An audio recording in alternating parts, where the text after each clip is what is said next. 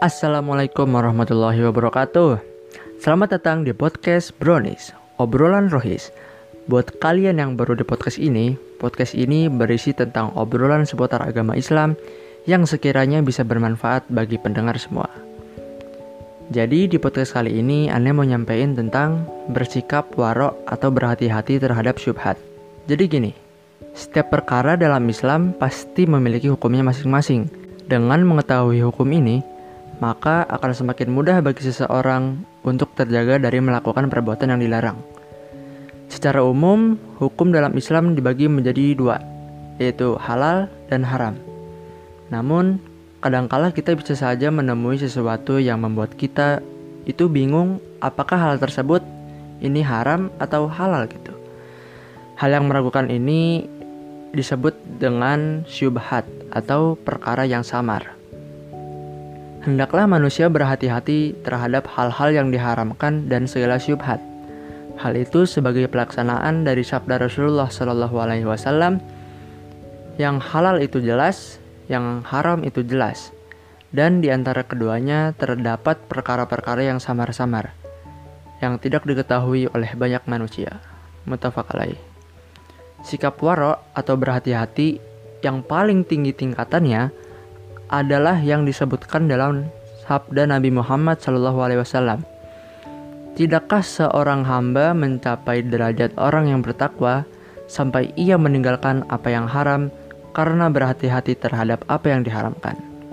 Mutafak alaih.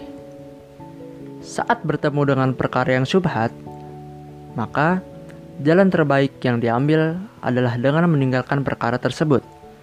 Karena segala sesuatu yang samar itu lebih cenderung kepada keharamannya dibanding kehalalannya. Ada tiga macam bentuk syubhat yang sebaiknya teman-teman ketahui. Itu ada menurut Ibnul Munzir. Bentuk syubhat itu dibagi menjadi tiga. Yang pertama, sesuatu yang haram lalu tercampur dengan yang halal sehingga menimbulkan keraguan. Jadi gini contohnya. Dalam Islam, hukum menyembelih hewan itu udah jelas ya Salah satunya adalah harus disembelih dengan menyebut nama Allah.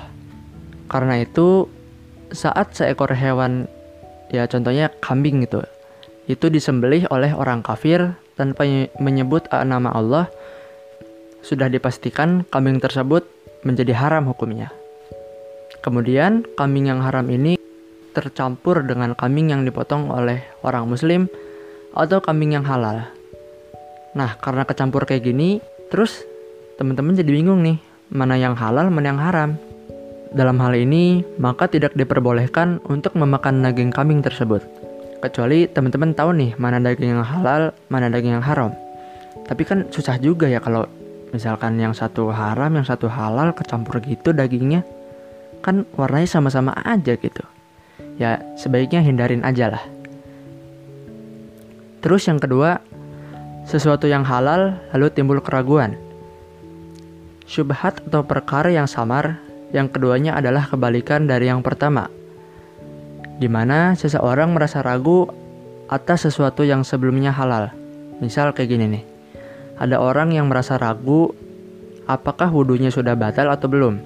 Nah, keraguan atau syubhat seperti ini adalah contoh keraguan yang tidak berpengaruh. Yang ketiga, sesuatu yang diragukan halal atau haramnya. Nah, yang ketiga ini itu adalah bentuk yang paling umum, yaitu kondisi di mana seseorang merasa ragu apakah suatu perkara itu halal atau haram. Dalam hal ini, sikap yang paling baik adalah dengan meninggalkan perkara tersebut sama sekali. Hal ini juga pernah dialami oleh Nabi Muhammad SAW, yaitu ketika beliau menemukan kurma di atas tikarnya. Kemudian, beliau akhirnya tidak memakan kurma tersebut karena khawatir bahwa kurma tersebut adalah kurma sedekah. Pada dasarnya, tidak apa-apa jika seorang muslim memakan sesuatu yang tidak dia ketahui bahwa sesuatu itu haram atau syubhat. Namun, sikap yang paling baik adalah dengan meninggalkannya. Dan sikap meninggalkan hal yang syubhat adalah sikap waro atau berhati-hati dan mencari kebersihan bagi agama serta kehormatan dirinya. Terima kasih bagi yang sudah mendengarkan. Demikian yang dapat Ani sampaikan pada episode kali ini. Semoga dapat bermanfaat bagi kita semua dan dapat kita aplikasikan dalam kehidupan sehari-hari. Kurang lebihnya mohon dimaafkan. Yang benar datangnya dari Allah dan yang salah datangnya dari saya pribadi. Wabillahi taufiq wal hidayah. Wassalamualaikum warahmatullahi wabarakatuh.